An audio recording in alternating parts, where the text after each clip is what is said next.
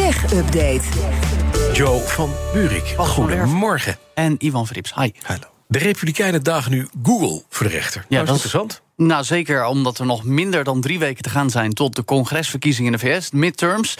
En die rechtszaak wordt nu aangespannen omdat mails van de Republikeinse Partij automatisch in de spambak van ontvangers met Gmail belanden.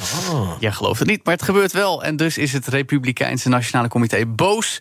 Zegt dat Google ze discrimineert. Al tien maanden lang zouden ze dat doen. Eh, een citaat: Google knijpt mails af vanwege de politieke connectie en onze zienswijze, al dus de Republikeinen.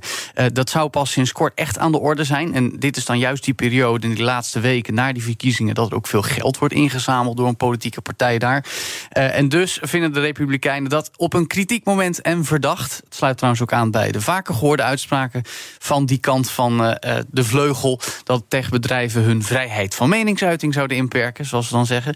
Google weer- weerspreekt die beschuldiging allemaal. Zegt dat het niet zelf filtert op basis van politieke affiliatie. Maar dat die mails gewoon in de spambak belanden. Omdat dat reflecteert wat de gebruikers met die mails doen. Mensen gooien die mails gewoon vaak in Nou, die zo simpel is het blijkbaar. Alleen Google zegt natuurlijk iets diplomatieker. Ja. Ik zou ook zeggen dat dat waarschijnlijk dan het gevolg is van mensen die gewoon niet op die mail zitten te wachten en ze aanmerken als ongewenst. Ja, dan wordt het algoritme in brede zin getraind en dan wordt die dus bij voorbaat bij veel mensen in de spambak geduwd. Tegelijkertijd zegt Google dat er wel gewerkt wordt aan training en aan handleiding om te zorgen dat berichten die niet per se in de spam horen, daar ook niet belanden. Maar ja, als gebruikers zeggen dit is spam en dat zijn er veel, dan merkt het algoritme het aan en dus Ja. Google als spam.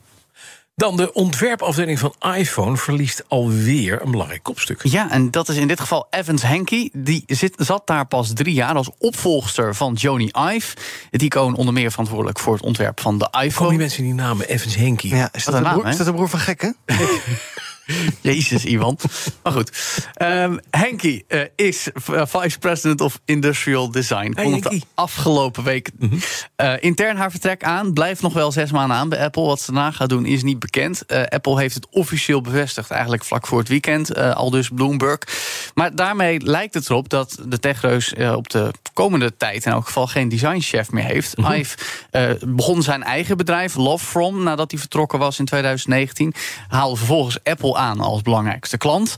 Eh, maar ja, die samenwerking is dit jaar ook beëindigd. En ik ben dan vooral benieuwd wie bij Apple nu de ontwerpscepter zwaait over de echt nieuwe producten. Want ja, facelifts of, of ja, nieuwe generaties van de iPhones en de Macs. eh, ik wil niet zeggen dat geloven we wel, maar er zit niet iets heel, heel revolutionairs aan. Maar ja, die slimme bril waar we het vaak over hebben. Ja. De auto die nog een keer zou moeten gaan komen, wellicht misschien. Wie bepalen nou hoe die eruit ziet bij Nou, Apple? ik hoop niet Tim Cook. Heb je die gisteren de finish Oh ja, vlag zien bedienen bij de, bij de Grand Prix van de VS. Ja, Ja, dat toen dacht ik echt, god, is een, of het is een, een robot, een iTim die daar door Apple neergezet is en het ligt lekker thuis Nou, op de bank. Ik vond het ook interessant dat Ed Sheeran werd groot aangemerkt... terwijl hij met de baas van de Formule 1 stond te spreken... maar Tim Cook stond erbij alsof, alsof het een fan was. Die had er ook helemaal geen zin in. Nee. Nee, Dat helemaal niet. het leek er niet op alsof hij echt naar zijn zin Beetje had. alsof ik daar Nee, gestaan maar die is Henkie kwijt. Dat kan. Nog even dit. Afgelopen weekend hebben gamers overal ter wereld in Amsterdam rondgelopen met een pistool. Oh, gamers overal ter wereld in Amsterdam rondgelopen. met- Wat is dit weer voor een game ding? eh, Ja, dat is een game ding natuurlijk. Nou, Virtueel op. Amsterdam moet ik zeggen. De nieuwe schietgame Call of Duty Oh, Modern ja. Warfare 2... van notabene Activision Blizzard. Die komt pas 10 november uit. Maar wie die game vooraf besteld heeft... kan nu al een deel daarvan spelen. En dat deel wat vooral over het internet gaat... is een zeer realistisch nagemaakt stukje Amsterdam op de Wallen. Dan kom je vanuit een steeg daar terecht op de ouderzijds Voorburgwal... en zie je allemaal rondvaartboten, zie je allemaal fietsen staan... bankjes, terrasjes. eh, eigenlijk een stuk bij de Oude Kerk... dat echt heel erg realistisch oogt. Ook de photoshops, zelfs de verkeersborden kloppen. Eh, als speler loop je dan even rond, praat je wat... is er een korte schietpartij en ben je er eigenlijk alweer weg. Daar valt het spel wel een beetje op zijn bek... want dan hoor je Amerikaanse politie Ja, doei. Dus dat is dan weer jammer. Maar het ziet er wel heel erg fotorealistisch uit. Ja, precies. Maar het is toch een beetje eh Obi Kenobi die een horloge blijkt te dragen. Weet je, dat klopt niet. Nee, dat klopt. dat ben ik schiet, eens. schietpartij in Amsterdam is dan wel weer vrij realistisch. Precies. Dat is waar. Ja. Ja. Zie je er ook eh, meisjes van lichte zeden daar? Een rode Ja, raampje. Ja, je ziet wel eh, de, de rode neonverlichting. Ja. maar je kan dit spel niet, eh, het is Call of Duty. Het is, het is wel. Het is tenslotte is- Activision Blizzard, dus Ja, ja, je mag wat verwachten. ja, maar het is ook weer voor Amerikaanse tieners. Oh, dus ja. dat zou niet door de, door de ISRB-rating Oh. komen als daar te veel Nederlandse. Kijken, kijken, kijken. Niet kopen. Ja, dankjewel. Nee. Jo van Buurik. De BNR Tech Update wordt mede mogelijk gemaakt door Lenklen. Lenklen. Betrokken expertise, gedreven resultaat.